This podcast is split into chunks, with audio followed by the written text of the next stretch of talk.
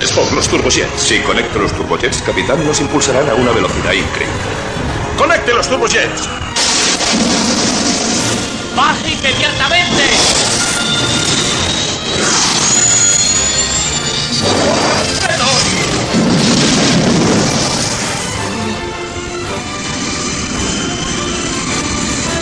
Me temo que me he pasado, capitán.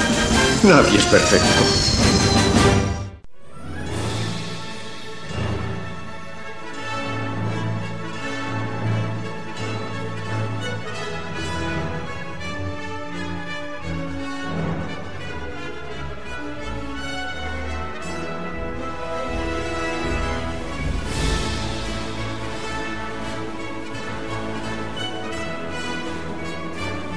Tal? Benvinguts al Ningú no és perfecte, el programa de cinema, còmics i sèries de televisió que us acompanya. Com cada setmana no volem perdre'ns la nostra cita setmanal amb vosaltres i avui us hem preparat un programa en un component fric important per tots vosaltres.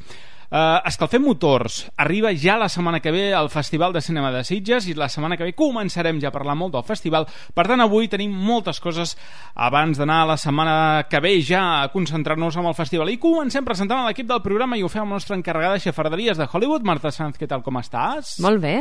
Avui sí, tenim xafarderies. Sí. Un titular ràpid per avançar una mica de fer gana a la gent. Un titular ràpid. Separacions. Hem començat la tardor amb separacions.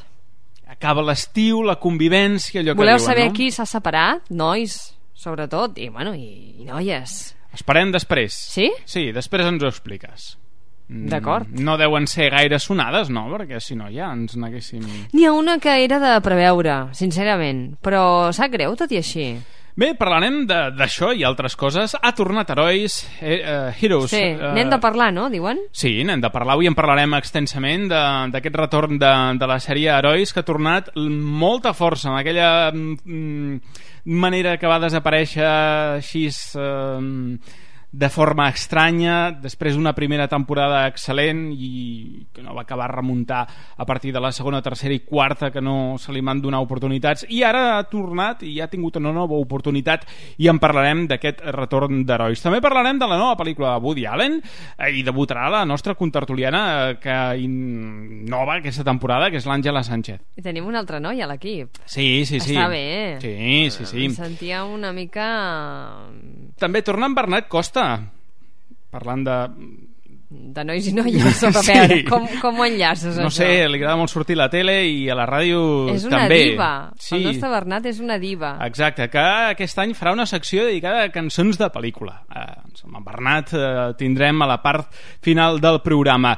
Qui us parla també, jo mateix, l'Ignasi Arbat, i abans d'anar ja directe amb el cinema, recordeu-vos primer de tot que ja avui tenim el, també el concurs de Panini Còmics. Per tant, ja inaugurem la pregunta del sorteig del lot del mes vinent. Preguntem, preguntem en quina dècada estarà ambientada X-Men Apocalipsis? Fins al 27 d'octubre ens podeu contestar en el nostre correu electrònic. Ningunoes arroba outlook.com Maneres per escoltar Ningú no és perfecte. A banda de la ràdio, les emissores habituals a la nostra pàgina web ningunoesperfecte.cat que allà trobareu les mil i una maneres de baixar el programa com per exemple des de les nostres canals de iTunes i iVox cliqueu Ningú no és perfecte.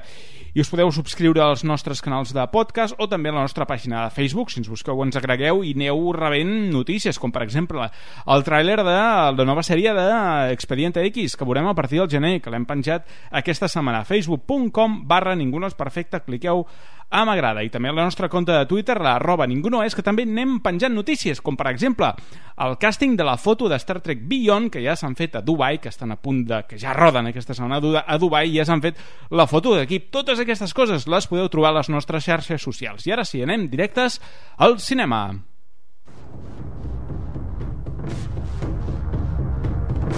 Estrenes, tertúlia i notícies a la gran pantalla. Soy el inspector Bruce Kenner, 14 de octubre de 1990. Di tu nombre completo. John Gray. Dime por qué estás aquí. ¿Por qué lo hice? Lo reprime. Obviamente los recuerdos están ahí detrás de alguna puerta de la que no es tan difícil encontrar la llave para liberarlos y provocar una regresión. Es muy importante que nos cuentes todo. Me matarán. Vuelva a hacerte daño nunca más. Despeja. I això que escoltem és Regression. Després de pel·lícules com Ágora, estrenada el 2009, Alejandro Amenábar torna al thriller de misteri que el va fer fam- famós amb Regression. Amenábar diu, aquest projecte suposa per a mi revisitar el misteri, trobar-me amb el gènere que va marcar l'inici de la meva carrera amb Tesis, una pel·lícula que explorava el poder quasi hipnòtic que a vegades exerceix sobre nosaltres la contemplació de l'horror. El director d'Abre los Ojos i Los Otros ha reunit un repartiment internacional format per Ethan Hawke, Emma Watson, de la saga Harry Potter, i Aaron Ashmore, de la sèrie Smallville. Ambientada a Minnesota en els anys 90, narra la història de Roy, Davon Bostwick, que és acusat d'haver abusat de la seva filla, Angela. Però ell assegura no recordar res del que va succeir. Malgrat tot, n'admet la culpabilitat. El policia encarregat del cas, Bruce Skinner, demana ajuda d'un prestigiós psicòleg que aconsegueix que, a poc a poc, Roy comenci a recuperar els records i al recuperar-los inculpa un policia local que diu que va participar en l'abús. Mentre els mitjans locals treballen amb la possibilitat que tot es tracti d'un acte comès per una secta satànica. La pel·lícula ha costat 20 milions de dòlars i s'ha rodat a Ontario, Canadà. Amigo mío, eres un enigma para mí. He metido tu cara y tus huellas en todas nuestras bases de datos. ¿Y sabes qué hemos encontrado? Nada. Así que, ¿por qué no empezamos por tu nombre? 47. ¿Eso no es un nombre? No, pero es el mío.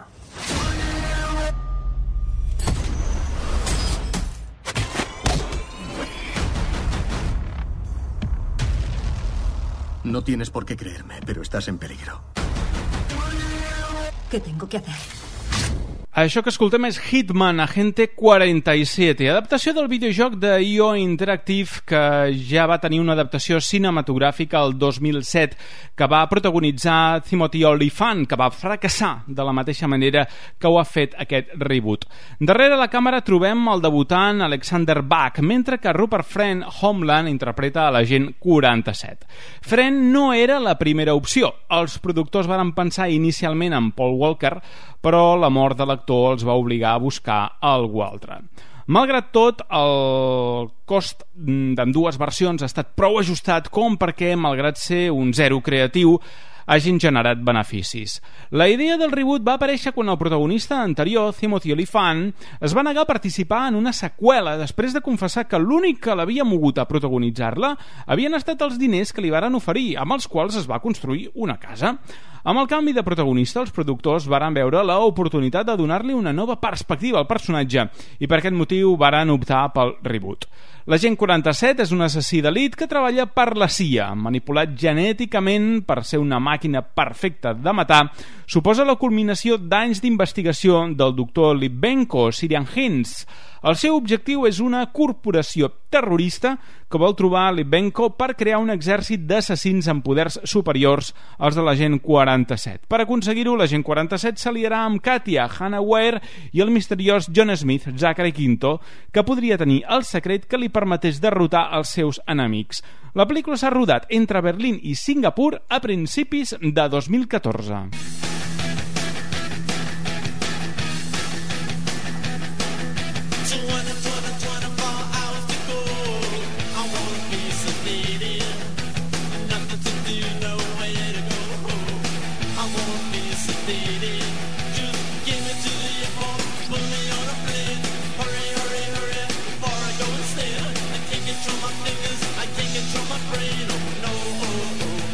Més enllà d'aquests plats forts trobem altres estrenes. Comencem per Lejos de los Hombres, un drama que ens situa a la Guerra d'Algèria de 1954. La pel·lícula està basada en un relat d'Albert Camus i protagonitzada per Viggo Mortensen. Mortensen és un professor que rep l'encàrrec de custodiar un jove acusat de matar el seu cosí. Amb dos seran perseguits per les tropes que reclamen venjança. Junts es rebel·laran i fugiran per salvar la vida i aconseguir la llibertat. El Apòstata és una producció entre Espanya i Uruguai sobre la història d'un jove burgès vividor que no treballa ni accepta el pas a la maduresa. Malgrat tot, començarà a sentir un compromís en quan decideix apostatar de la fe catòlica. D'Alemanya ens arriba Jack, així es diu el protagonista d'aquesta pel·lícula, fill d'una mare soltera que no cuida els seus dos fills com ho hauria de fer una mare. A causa d'un accident, Jack i el seu germà petit són separats de la mare per, pels assistents socials. Enyorats de casa escapen per tornar-hi. Al descobrir que la seva mare ja no hi és, recorreran la ciutat per trobar l'amor d'una mare. I de mares passem a pares, amb Oda a mi padre, pel·lícula que parteix de la Guerra de Corea. El 1950, un nen es separa del seu pare a causa de la guerra.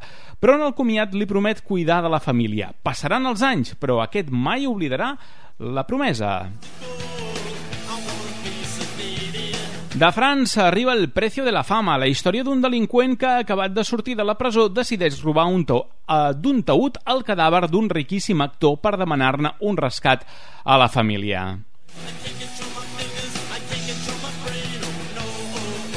I tanquem amb Marco Macaco i los primates del Caribe, pel·lícula d'animació danesa sobre un primat que somia en convertir-se en un policia que resol grans crims.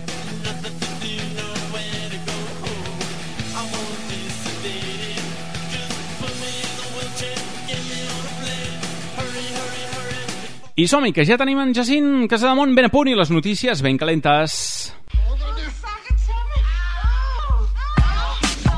I torna, com sempre, aquesta setmana en Jacint Casademont i les notícies ben calentes. Què tal, Jacint? Com anem? Doncs bé, amb ressaca electoral, però a punt per tornar amb les notícies calentes. I nosaltres a punt per escoltar-te. Va, comencem per la primera.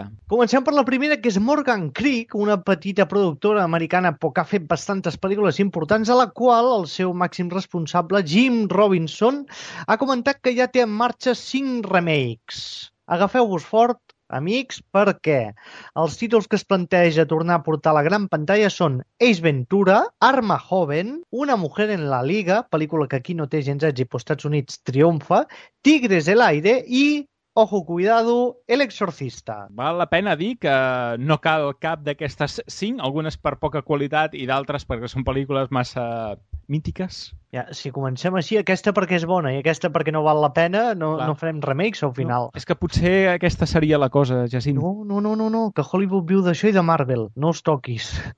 Després, Hayden Christensen, l'actor que recordem tots amb molt de carinyo, amb molt d'amor per la nova trilogia de Star Wars, sembla ser que se l'ha vist pel rodatge a l'episodi 8. Ai, ai, ai. Que ha entrenat fort i que tindrà una escena de lluita amb espases. Estàs de conya o...? Mm, eh, M'ho han vengut diferents fonts, o sigui que jo compro. Però episodi 8, estàs dient? Ja s'està rodant? Sí, clar, és que va començar a l'estiu, que jo no estava aquí, no us he pogut informar, però sí, Ah. sí, amics, s'estan començant a rodar en algunes localitzacions. Suposo que tampoc serà la part grossa. Deuen haver començat amb segones unitats i tot això. Després, Men in Black. Sony no vol abandonar la franquícia, ja ho havíem sabut fa uns anys, havíem pensat a tornar a portar Will Smith i Tommy Lee Jones, juntar-los amb el de 21 Jam Street, però al final no, volen fer nova trilogia Men in Black sense cap dels sectors a la trilogia original. Mira, tinc una idea que els pot ajudar que... Escolta, i si posem a Melissa McCarthy i,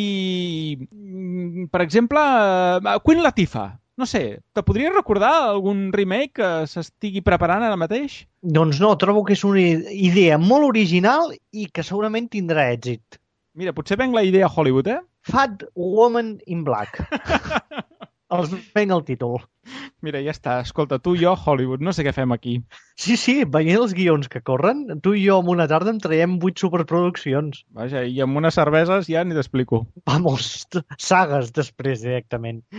Un altre que vol estirar el fil per seguir vivint dels rentes és el senyor Wesley Snipes, que continua insistint que ja està conversant amb Marvel. Marvel mai s'ha pronunciat amb ell, és lo curiós el cas, i diu que, segons ell, tenen pensat fer noves entregues del personatge, però que la protagonista seria la filla secreta del personatge Blade. A veure, a mi m'agradaria que Wesley Snipes tornés a fer Blade, però no sé, eh, que sigui la protagonista una filla, això no, no m'acaba de... no sé. Home, seria el primer pas, i crec que bastant encertat de Marvel, per agafar franquícies que funcionen però que el sector ja comencen a estar una mica grandots per portar noves generacions als personatges. Sí, recordem per això que la tercera de Blade eh, era un desastre. Ah, tu la recordes o vols que la recordem nosaltres? L'he esborrat, però tinc alguns eh, moments que no oblidaré entre Ryan Reynolds i Jessica Això- Biel. Això t'anava a dir. Primer intent de Ryan Reynolds a, a portar còmics a la gran pantalla. Sí, sí. No serà Després... que no ho ha intentat.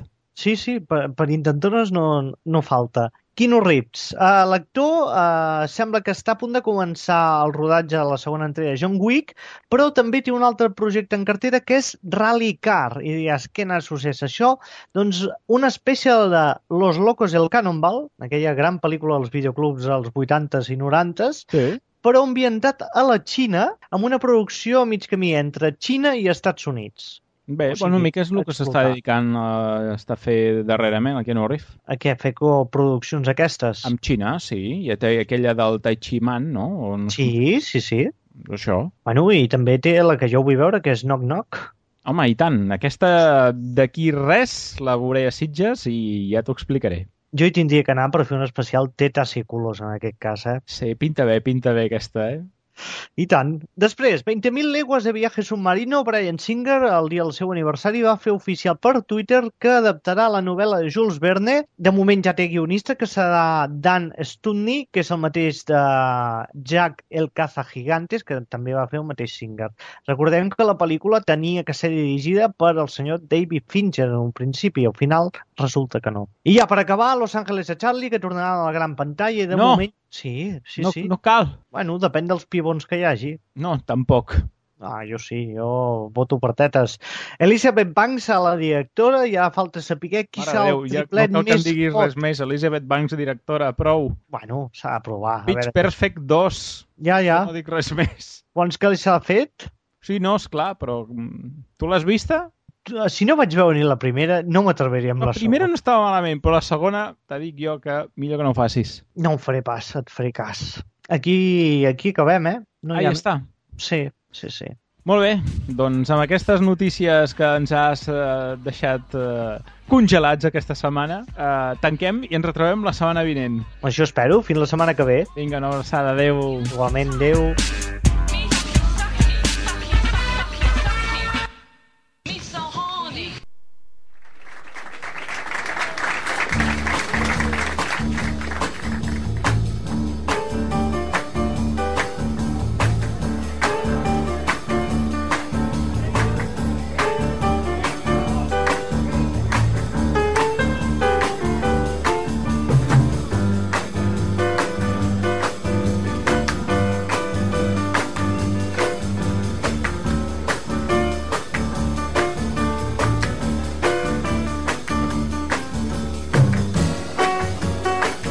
Doncs amb aquesta música que últimament Woody Allen ho fa molt, eh? Li agrada una cançó i aquesta cançó la utilitza mm, al llarg de la pel·lícula diverses vegades.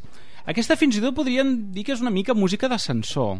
Va, no dic res més, que potser encara deixaré en algun spoiler eh, amb aquestes coses que estic dient. Bé, Uh, fem tertúlia avui, toca parlar de Irrational Man, que és la pel·lícula de, de Woody Allen, i a banda d'en tu, Marta, avui tenim una incorporació nova a les nostres tertúlies d'aquest any, que és l'Àngela Sánchez. Àngela, què tal, com estàs? Benvinguda, primer de tot. Hola, molt bé, doncs encantada de poder estar aquí amb vosaltres perquè sóc molt fan del programa, porto temps seguint-lo i, i mira, és un plaer per mi poder comentar una mica la pel·lícula aquesta, especialment Irrational Man, perquè m'ha agradat i és una pel·lícula amb opinions molt dividides. Sí, és veritat. Um, hi ha com una certa tendència de criticar Woody Allen, tot i que veníem de, de Blue Jasmine, que és una pel·lícula uh, molt bona. La veritat Sí. és que estava molt bé.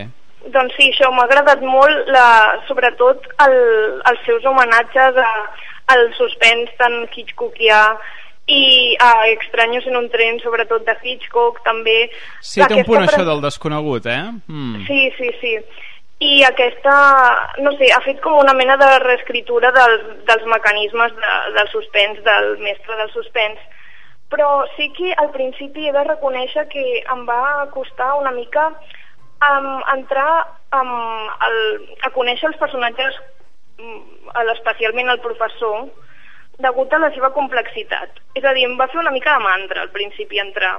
Sí, perquè Però- és, un, és un tio així com molt deixat, que Auto- sí, està de tornada de tot, pateix com una, de, com una depressió. Uh, Exacte. tu, Marta, t'ha agradat la pel·lícula? Mm, M'ha agradat en general, li poso bona nota. us haig de dir que la vaig veure en unes condicions personals deplorables. Vull dir, tenia molta son i potser no és la millor pel·lícula per anar a veure si estàs una mica, a més, constipada i tal. Uh, suposo que el paper d'en Joaquim Phoenix s'assembla al de Colin Farrell a, a Match Point, no? És un Sí. tipus també així miserable, amb una vida Colin penosa. Farrell no, Match Point. Colin Farrell és un altre. Ah, és un altre, doncs el confong. Però Colin Farrell també va treballar sí, per una... va fer una amb Woody Allen. Que de l'irlandès, que feia d'irla- Sí, feia d'irlandès borratxo, no? Mm. Diguéssim, el seu paper estrella. Doncs l'he confós, però aquella també era molt... No era tipus Woody Allen, eh? Era un altre tipus... Sí, perquè aquesta és potser una mescla, no? Té un punt així més mm, match point, si tu li vols dir, però la pel·lícula no comença així. és Potser a dir, Ma- Match Point és més grandiloquent, tot plegat, jo ho trobo com més Sí. gran, i aquesta Sí, és molt sí. més petita i té aquest punt de suspens que molt bé diu l'Àngela. El que a mi m'agrada més de les pel·lícules d'en Woody Allen precisament no és el suspens, són les disquisicions morals que te planteja. O sigui, és tota la, la, la, la, la dialèctica. És el que més m'agrada de les pel·lícules d'en Woody Allen. Sí, de fet és aquest el seu fort, no? Perquè la pel·lícula, si anem a mirar eh, els plànols... O, o sigui, Ai, és una mica Sí. normaleta. Woody és... Allen justeix en aquest aspecte, no creus, Àngela?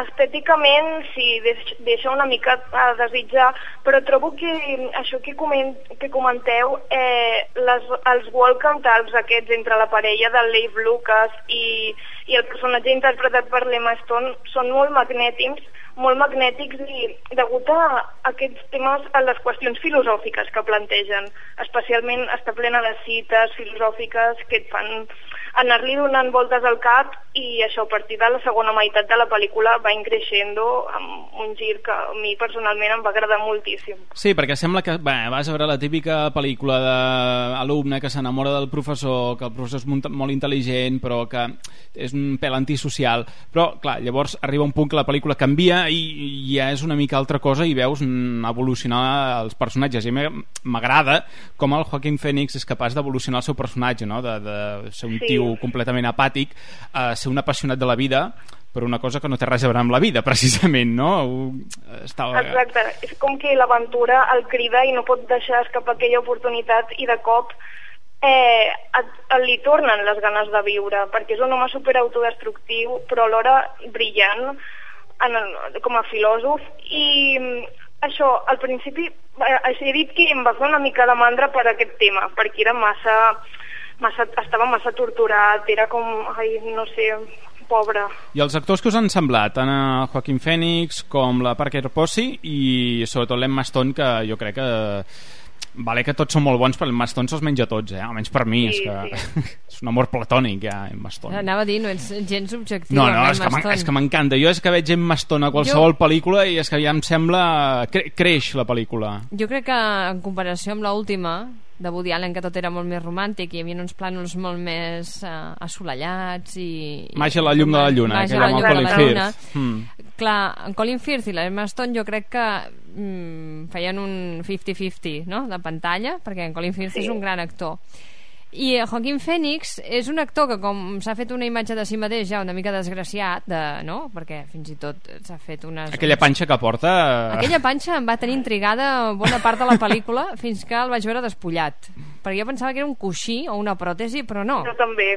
Tu també, eh? És, és real, o sigui, és de cervesera total. Però ell és, de, és un tio deixat, vull dir que el, Home, pa- però el, per paper, favor, el paper li va, deixat el molt. paper li va. Sí, no? No sé si s'ho ha fet expressament per la pel·lícula, ha estat una Potser petició. sí. Perquè jo no... Bueno, Àngela, no sé tu, però jo no el recordo tan panxut, és a dir, tan... tan... No, no, jo crec que l'última que vaig veure va ser Puro Vicio, també un, fa un, un molt bon paper, però a Her, per exemple, que segur que l'heu Mm, vist, sí. no, estava molt més cuidat i... La qüestió no Sí, se li pot negar, Àngela, que en Joaquin Phoenix treballa amb estrelles top 10, eh? Sí, Scarlett exacte. Johansson, Emma Stone... Woody Allen, vols dir? També, Mm. Però... Tots dos. Tots dos. Tots dos. Tots dos es- es- s'envolten de, de noies guapes, d'actrius potents. És curiós, Exacte. perquè ell, diguéssim, no sé, s'ha anat com fent un lloc i no saps com, bueno, és un bon actor, però la imatge que sempre dona és una mica de, de penositat. Bé, no sé, és una relació que ja vas veient també, no?, una mica com acabarà, perquè més ella ho deixa, el personatge de Maston ho deixa claríssim, no?, el que vol, des de bon començament amb ell li deixa molt clar el que Sí. vol. i tu dius, bueno, això ha d'acabar així i és veritat que hi ha aquell gir d'una persona que se sent un miserable que vol ser un heroi a la seva vida i fa una cosa heroica a la seva manera Jo que no em acaba de lligar és el nòvio aquest que li posen a l'Emma Stone a la pel·lícula, eh? No, no... El nòvio no, no. Trobo que els personatges secundaris de la pel·lícula, tant la, la professora, la- l'altra professora, que no me'n recordo del nom, com el nòvio de, de l'Emma Stone no acaben de quallar i no, a mi no em van fer que m'interessés en la seva psicologia ni en ells. És a dir, el nòvio mm, era una mica igual i tampoc vaig trobar mm, que fos un personatge... A veure, no era important, però li podrien haver tret una mica de suc, potser. Potser una mica és això ja el que volia Woody Allen, no? És a dir, tractar el personatge com una cosa molt poc interessant, com de fet ella el veu molt poc interessant, sobretot quan troba una persona molt més interessant, no? Sí. No, de fet, aquí és la, la paradoxa, perquè tu, en, potser en la vida real, el, el mediocre seria el Joaquín Phoenix i resulta que el mediocre és el nòvio de la Emma Stone, que no té res mm, diferent de la resta, no? Mhm. És un tio normal. Molt bé, alguna valoració per acabar de la pel·lícula, Àngela? La banda sonora magistral em va, em va agradar molt i els crèdits em vaig quedar fins al final només per sentir la banda sonora, per acabar de sentir-la Mm. i això, La cançoneta aquesta, eh? sí, sí, és, enganxa molt. Que apareix en els moments claus eh, de llarg de la pel·lícula. Eh, Exacte. tu, Marta? Uh, no, jo només dir-vos us recomano que, que llegiu Woody Allen també, que escriu de tant en tant i veureu que les seves eh, paranoies mentals i tots els embolics que té doncs es tradueixen també en guions de pel·lícula Mm. estan bé i que és un home que té molt de bagatge i que coneix els filòsofs europeus, grecs i, i contemporanis Ja, ja es nota. Jo res, només eh, recomanar aquesta pel·lícula i no us deixeu portar el que us digui, no? És que és un Woody Allen menor, que és que fa lo de sempre... Bueno, sí, tot el que vulgueu, però, Però continua sent una, no- una bona pel·lícula, o sigui, de les que hi ha a la cartellera jo no hi és de les millors. precisament a mi les pel·lis que més m'agraden d'en Woody Allen és quan és Woody Allen i fins i tot quan surt ell també a la pel·lícula Exacte, sí, que sí, ell no hi sí. surt a mi m'agraden més aquelles però bé, aquesta també està bé Sí, passa que comença a tenir una mica una certa edat i segons quins papers, doncs clar, com no fem pel·lícules ja en geriàtrics... home, pobra Clar. En fi. Bé, Àngela, doncs ens ha encantat tenir-te avui aquí i Doncs moltes gràcies. tornaràs a passar per aquí el mes vinent. Sí, sí. Adeu. Vinga, una Adéu, abraçada. que vagi molt bé. Adéu. I nosaltres continuem i ara fem una tertúlia d'aquelles. Us en recordeu l'època de Lost? L'època en què teníem sèries com herois? I escolta, Herois ha tornat. Sèries en obert als 40 minuts.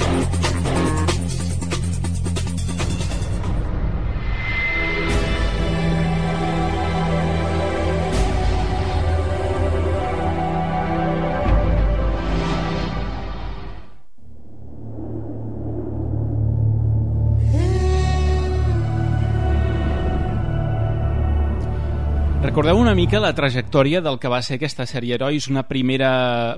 Com que no? no, no, recordo l'impacte de la primera temporada És que veníem, veníem d'una Però- època en què la televisió no hi havien sèries de superherois. Sí. Eh, el boom de Marvel encara havia d'arribar. No s'havia estrenat Iron Man encara. s'havia si no estrenat Smallville que, eh? L'únic que teníem era Smallville. I de cop i volta... que de vegades deixava molt que desitjar Clar, un, en una produ un temporada producte força infantil i de cop i volta ens trobem amb herois, una sèrie adulta adulta però protagonitzada per nois i noies joves, eh? de, de superherois amb trames complexes, viatges en el temps homenatges Sí, a còmics amb molts de conflictes familiars i relacionals homenatges a còmics com per exemple els X-Men, personatges boníssims com... Home, sortien imatges amb animació, no? No feien un com una... Sí, com el Nine una- Wonder, que era un, com, era un dibuixant de còmics que tenia visions del futur Exacte, i... sí.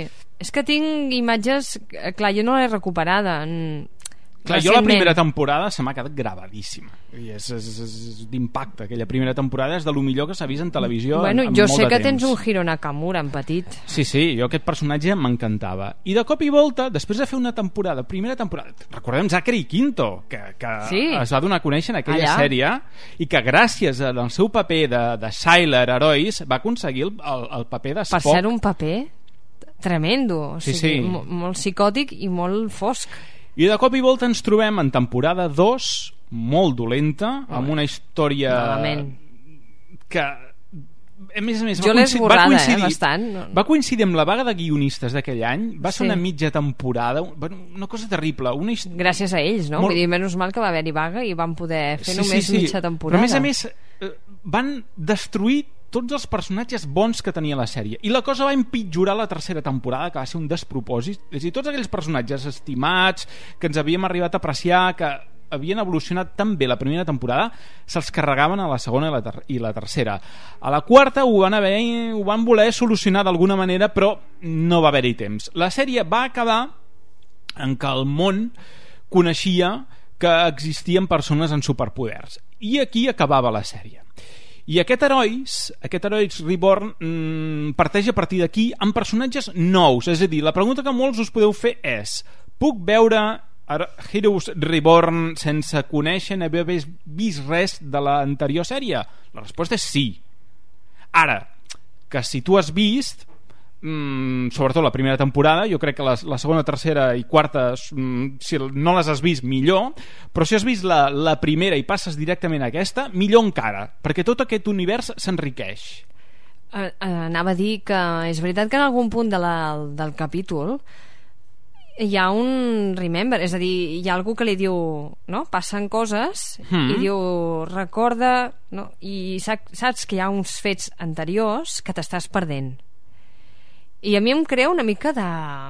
Sí, però aquests fets anteriors no venen de, de, de la sèrie anterior, és a dir... Ah, són al- inventats. Alguns sí, d'altres no, perquè ah, esclar, jo pensava que era que No. algú m'havia perdut de camí. Clar, és que entre el final de la sèrie i ara eh, han passat uns anys i en Sí, aquests anys, clar... es noten. Sí, evidentment han passat coses que nosaltres no sabem ni hem vist i que se'ns explicaran. Però sí que l'estructura és una mica similar, no? Són diferents trames. Mm, sí, la, e- és molt similar. molt similar. El que passa que han fet una neteja... Com que els personatges estaven molt degradats, han fet una neteja de personatges pràcticament total i tots són personatges nous. Ens han presentat ja uns quants de personatges. Sí, excepte el protagonista, el que al principi coneixien com l'home de les ulleres de pasta, que llavors vam Ah, saber sí. que era Noah Bennett, i que és el protagonista de... Que ara no es diu així, es diu d'una altra manera. Bueno, Noah Bennett. Bueno, sí, perquè és clar.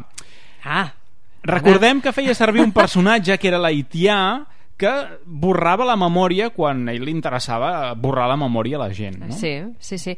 Um, I, I una de les coses que veiem en aquesta sèrie és que recuperem alguns dels personatges anteriors, no com a protagonistes, sinó com a secundaris. Un és aquest l'haitià i en veurem més properament. Se suposa que seguirà la mateixa estructura, t'han presentat uns personatges, cadascú amb les seves eh, condicions i situacions, i que això s'aniran ajuntant, no? La trama és que aniran com imants eh, cap a Noah Bennett, d'alguna manera, entenc. Mm. Sí, perquè era ell... d'ajuntar. Era ell que reunia aquestes persones Però amb potser, poders... hauri, Ignasi, hauríem d'explicar, encara que fos amb una frase, Mm. el leitmotiv de la sèrie, que és amb un futur eh, distòpic en què hi ha uns humans evolucionats que li diuen Evos. Sí, com a... seria com els X-Men, els mutants, seria una Sí. cosa bastant semblant, Són- no? Que el món els odia o els tem... Els odia perquè els tem, perquè Sí. no saben eh, que tenen poders alguns molt importants i com que no saben si els poden fer servir per bé o per mal, la gent els tem i el que fan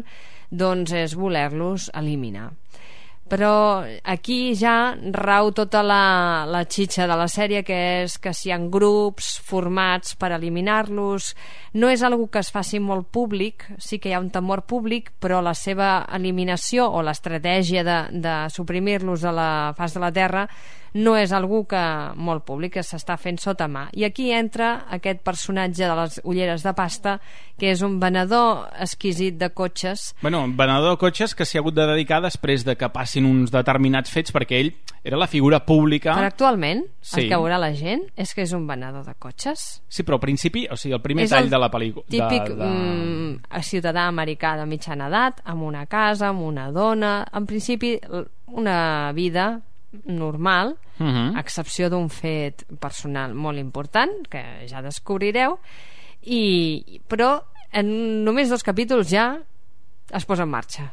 Ja és Sí, una sí. road movie. Ja és, es posa en marxa el volant i comencem a recuperar memòria i a recuperar documents. Clar, a mi el que m'agrada de la sèrie és que m'ha m'ha portat a les eh, mateixes sensacions que vaig tenir a veure la primera temporada, cosa que no em va provocar ni a la segona, ni a la tercera, ni a la quarta. És a dir, és com, ostres, ha tornat, herois? I aquesta és la Has veritable fe, segona eh? temporada. Després d'una segona temporada estroncada i, i gens digna, I has continuat amb la tercera i a més has tingut valor de veure la quarta. Sí, sí, sí, sí. A la quarta era, era la pitjor... O sigui, la segona i la tercera per eren molt, molt dolentes. Per definitivament confirmar que l'única bona era la primera. Sí, correcte. Però ara és com si arribés la veritable segona temporada de la sèrie. Doncs no? mira, el Ningú no és perfecte se n'alegra.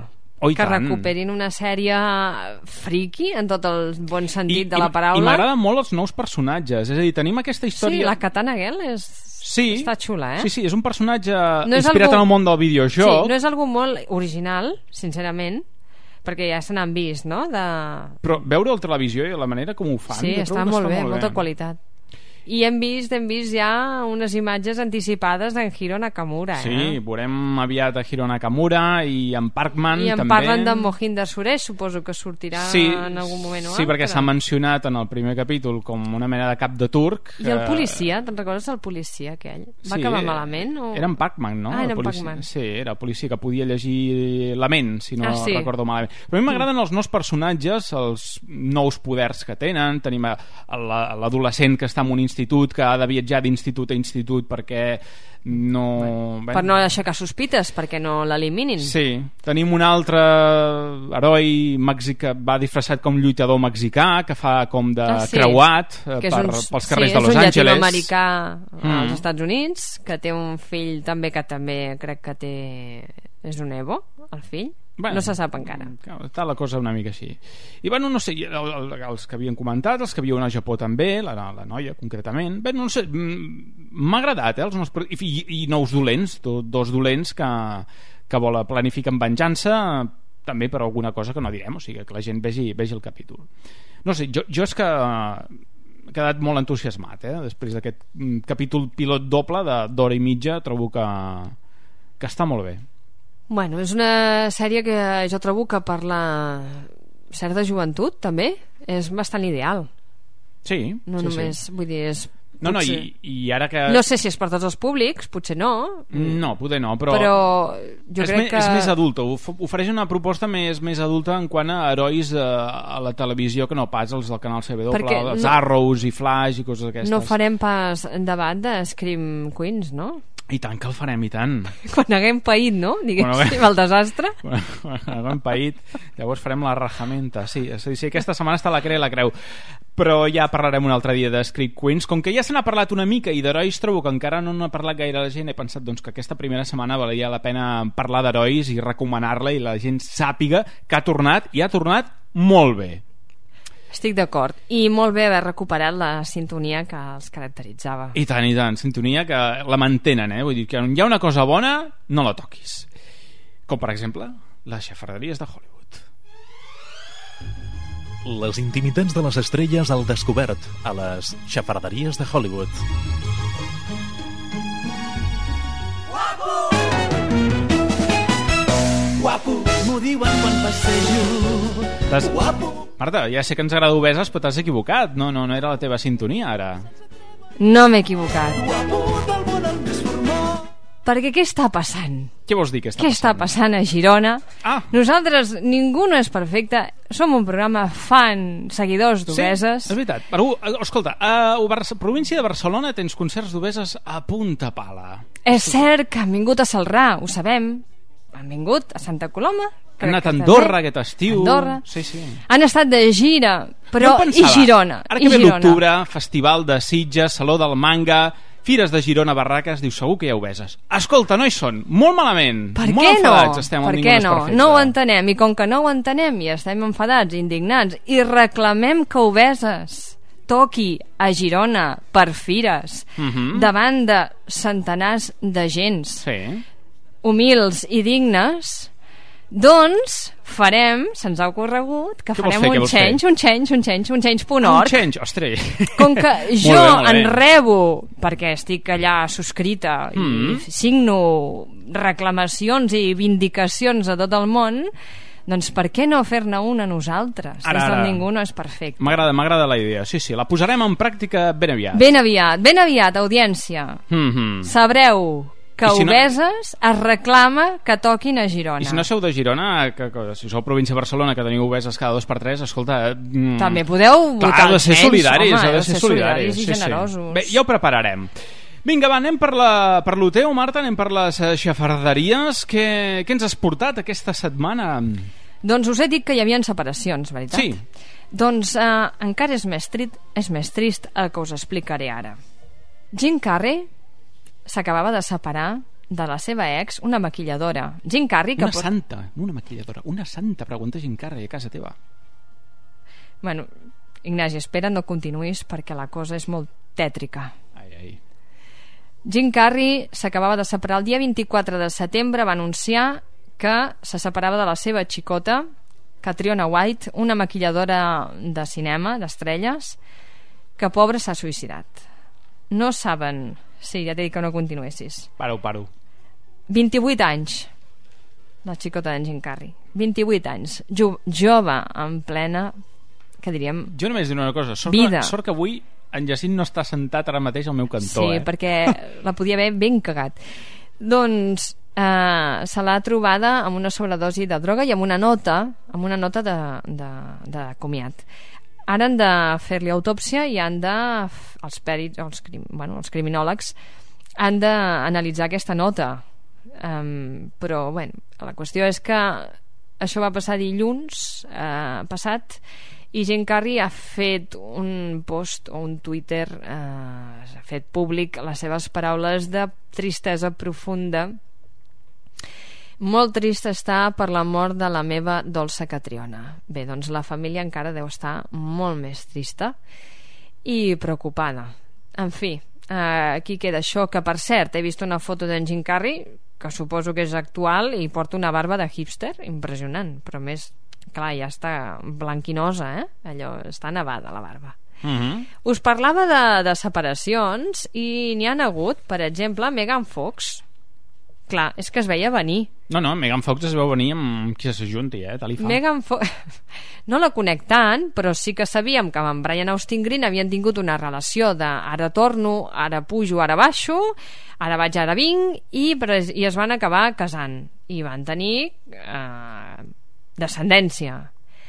Se separen. I sabeu què és el més fort? Aquí tinc, fixeu, eh, el TMZ, aquesta pàgina web estupenda, Sí, sí, sí, hi ha una hi ha un- enquesta. No, no, no és una enquesta, t'ho sembla? Perquè des d'allà, Sí. jo que estic a l'altre cantó Ja. de la peixera, és aquella clàusula de les separacions que preguntes per si necessites una Mhm. pensió de la exparella. I Brian Austin Green necessita una pensió de la Megan Fox. Clar, perquè qui treballa és ella, no ell. Diu- Recordem-ho tots. Spousal or Domestic Partner Support. Ho enteneu, no? El meu anglès és ara mateix fatal, eh? Però ha marcat en Brian Austin Green com és que TMZ té una còpia d'això? És... Ha marcat la casella de que sí, que sí, pagar el, el portador. Molt bé, bueno, no sé si molt bé, això... La qüestió és que es veu que van tenir un accident de cotxe, no recordava, i ell eh, arrossega unes dolències, vertigen, devia tenir mal als cervicals, i arrossega unes dolències que li impedeixen de treballar. En canvi, en canvi ella està aplatòrica i va tenint contractes, i clar, ell, en veure's que no ingressa, doncs i ara se separen, li ha demanat diners a la Megan Fox. Ja veurem com ho resolen. Amanda Seyfried i Justin Long són l'altra parella que també s'han separat. Ah, ja no sabien ni, ni que eren parella, aquests dos. Sí, sí, doncs sí, sí, sí. sí. Uh, portaven un parell d'anyets, uh, una cosa així, s'han separat. La, la veritat és que els seus amics tampoc en tenien massa què feien junts. Sí, és una parella... Bueno, no I a més, estranya. les agendes és que no coincidien mai. Tenien un pis a Nova York de quasi dos milions de dòlars, però es veien poquet. Per tant, la cosa, segons els amics, que s'ha anat deteriorant, però com el pas natural que ha de ser, i ja Mhm. està. No hi ha hagut un d'alta baix. Un altre que se separa. No hi ha. Hayley Cuoco Sortirem deprimits avui. I Ryan Sweeting, sí. No, sabia, no estava casada, Kelly Coco? Sí, sí no, no, fa 21 mesos que es va casar. Així, jo recordo la notícia que em vas dir que s'havia sí, casat. Sí, doncs ja està. S'ha acabat. Uh, diferències irreconciliables entre tots dos i hi ha el, el divorci. Ell és un tenista i ella sabem surt a Viva Theory. La bona és ella. La bona és ella, no. sí. Què m'expliques, un tenista a mi? No tindran problemes, que com, perquè com tenien un, una, un contracte de prematrimonial, ah, ja està, està tot pactat. Fantàstic, veus que bé que ho fan aquesta gent? Superherois al rescat. Chris mm. Evans i Hayley Atwell, eh, és a dir, Capità Amèrica i... L'agent Carter. I la, I l'agent Carter, gràcies. Estaven a la Comic Con, Comic Con de Los Angeles, sí, pot ser? Sí? Pot ser. Uh, ara, bueno. I uh, resulta que a Salt Lake, Salt Lake Comic Con. Ah, Salt Lake City. Salt Lake City. Resulta que s'estaven fent allò que fas, que te pots fer una foto amb ells, i hi havia una noia mm, disfressada de la viuda negra. Hmm. Res a veure amb la Scarlett no sé. Johansson, eh? Però bé, disfressada de viuda negra. I llavors el xicó anava de Capità Amèrica. Res a veure amb el nostre Capità, Capità Amèrica. Amèrica panxut. Una mica reforçat estava. Ja, ja, I de cop i volta, quan li va fer la foto, no fa la foto, i s'ajup i li demana matrimoni entre el Capità Amèrica i l'agent Carter. Les cares de sorpresa dels actors és fantàstic, perquè al noi li van fer una foto tenia algú compinxat mm. li van fer una foto i surt al seu Instagram i molt maca la Hayley Atwell l'actriu dient que ha estat de les escenes més boniques que ha presenciat en la seva vida i clar, la noia, imagina't, posant-se les mans a, a la cara de la sorpresa, que no, no s'ho esperava pas. Suposo ja, ja. que va dir que sí. Bé, a veure si trobem el vídeo, el buscarem. Bueno, dius que hi ha fotos, no? A Instagram, mm. sí, sí, sí. I uh, us volia comentar, avui vaig ràpida. Sí, sí, que, que te queda un minutet només. Per això, que Jennifer Aniston és una notícia que potser ja hauria de... i segurament la sabeu, que està embarassada de bessons. Quina edat? Quina edat? 46 anys. No és la primera, eh? No, no, ja, ja. Val. Va congelar uns òvuls, allò, mira, congela uns òvuls... Posa la nevera... Pues una nevera de catxer, eh? Als 41 anys es va treure alguns òvuls i els va congelar. Bueno, la Sofia Vergara també ho ha fet. Uh mhm. -huh. I quan suposo que ella tenia o va, ha tingut la parella que li ha convingut, que és en, en Justin Theroux, amb qui es va casar aquest agost, doncs ja està, s'ha inseminat... Bessonada i, bessonada, i endavant. I endavant. Molt bé. Mira, es va al tard que mai, no? Ella I sempre... encantada de, de ser mare. Nosaltres ens alegrem d'ella perquè sabem que és una cosa que havia perseguit ja des de l'època de Brad Pitt, eh? Sí, tot i que després ho havia desmentit i que s'havia mm. fixat, enfocat més en la seva carrera, bé, doncs en, encantats de la vida. Molt bé, i abans d'anar amb en Bernat directament, el que farem és fer ràpidament el concurs de Panini Còmics.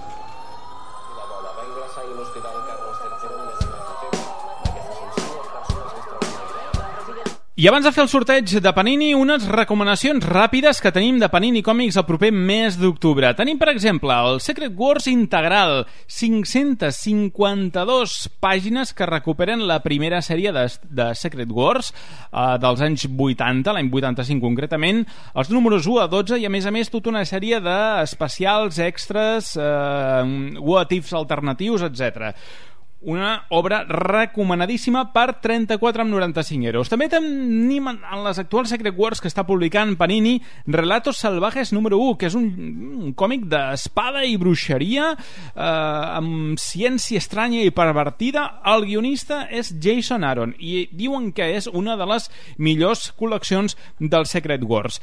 I unes últimes recomanacions, dues perquè són molt diferents però són semblants. Parlem de l'Spiderman 2099, el segon volum, i el Hulk 41, perquè hi surt el personatge en els dos còmics del Maestro, que és aquesta versió futura i corrupta de Hulk que trobarem tant a la col·lecció de l'Spiderman de l'any 2099 com a la versió alternativa que actualment dintre de l'entorn Secret Wars, aquest Battle Wall que ens està publicant actualment eh, Marvel Comics i aquí ho fa Panini, amb guions, les dues del seu creador, Peter David. No podem demanar més.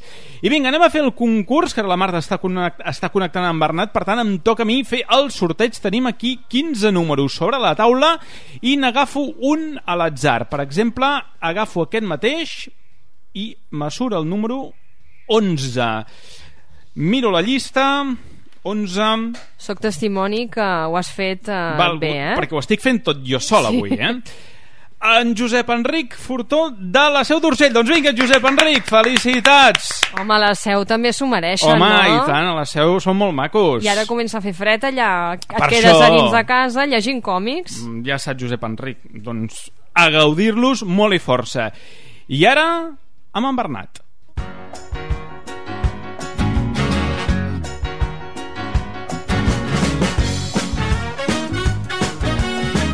Bernat, què tal? Molt bé, molt bé, quant de temps. Sí, eh? Sí.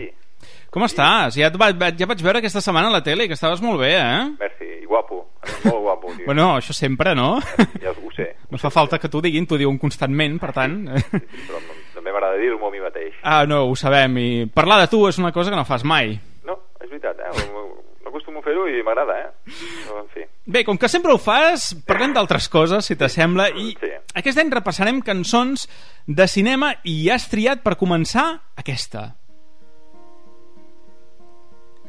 Hello, darkness, my old friend. I've come to talk with you again. Because a vision softly creeping left its seeds while I was sleeping. And the vision that was planted in my brain still remains within the sound of silence. In restless dreams I walked alone. És eh, Simon i Garfunkel, Son of Silence, Bernat, i jo et preguntaria, mm, per què ho has triat? Per al graduado o per Watchmen? Perquè Ah, bona pregunta. a Watchmen també hi surt aquesta cançó i té el seu pes important. Sí, sí, sí, és veritat, però jo aquesta la, la vaig triar perquè va ser, com us diria, la que em va marcar la meva vida. Val? O sigui, em, va, em vaig enamorar d'una noia i em va enganxar aquesta cançó. Val? Vull dir, I no Sort- vull sort- parlar més de mi. T'anava a dir, sort que has dit que no parlaries no, i no vull parlar més de mi.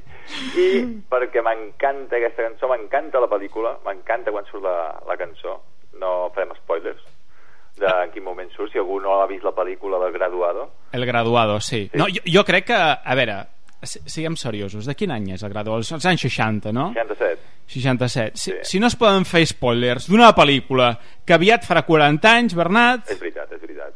No, no, és veritat, uh, però és que, clar, és que el moment que surt aquesta cançó és que és brutal, no? Quan ja, quan ja Explico, la explico, perquè ens estem tornant gilipolles amb els spoilers, em perdó. Hem de poder parlar de les coses, també. D'acord, d'acord, d'acord. Vale, molt bé. Doncs en parlo obertament. Uh, el moment en què ell ho acaba amb tot, trenca amb tot, no? En Dustin Hoffman uh, sal, salva la noia d'aquell casament i se l'emporta allà en el bus i es queden allà asseguts. Que per cert, aquesta escena l'han repetit a, als Simpson. Mm. Home, és que és una escena molt mítica dintre de... Sí, amb, amb, amb, amb Barnes. Mhm. Uh Ell també s'escapa amb una dona. Bueno, en fi. Doncs no, que aquesta cançó té molta, té molta història, no? Darrere hi ha l'assassinat de John Fitzgerald Kennedy. La van fer ells per el sentiment que li va quedar a la nació. Uh, doncs mira, va, va ser una cançó que li van dedicar a, a en Kennedy, precisament, a l'any 64. Més endavant la van fer, la van fer servir per la pel·lícula de, de Graduado Mm -hmm. perquè els hi van demanar pues, una sèrie de cançons, no? També van fer Scarborough Fair, que és una cançó extraordinària, i us fixareu que Fair és una cançó que no és d'ells, és una cançó que ja antigament, eh, és molt antiga, és celta, no? Eh, va sobre un noi que l'abandona la, la nòvia, no? És, són cançons molt tristes, no? Són cançons molt melancòliques, i eh, la base de Son of Silence és una base, com us ho diria, eh, sabeu que van fer el Condor Passa, aquesta gent? El- en Simon, Simon Garfunkel. El del peruano. Sí, doncs en Paul Simon és el, el compositor realment, no? I és el, ell sempre ha sigut molt ètnic. Ah, no, no, no ho sabia, veus? Això ara m'has deixat... Eh... Sí. Eh, sí, sí, és, és en Paul Simon. En Simon eh, és un tio molt ètnic, sempre ha tirat cap a... I eh, ell, el Son of Silence, diguem que té una base andina, també. Si te fixes... Sí, és veritat, tens raó. eh? és d'una base molt andina. Sempre ha fet servir bases molt ètniques, no? celtes, andines, africanes, no? més tard va fer servir uh, músic, molta música africana va fer després, no? en Paul Simon, però tornem a lo, a lo que és la cançó, no? la, la cançó, la lletra és tristíssima, no? és una cosa, però qui, qui no l'ha qui no l'ha cantat alguna vegada o qui no l'ha tocat en la guitarra alguna vegada o l'ha sentit en un esplai, no? És una cançó que, que a més està a les 150 de les millors cançons de la història. I, I com és que, o sigui, en una escena que- que no és ben bé trista de la pel·lícula, sinó que convida una mica l'optimisme, no? Perquè el que fa aquellò... O sigui, en- entra allà a l'església, quina vergonya, no?, per emportar-se la noia i... Eh, És un moment que té una certa èpica, si tu vols. Sí, però uh, estan callats. Aquí està la gràcia. Estan en silenci. Val? Eh, O Sí, sigui, és veritat. estan en silenci, és el so del silenci. El silenci ho diu tot.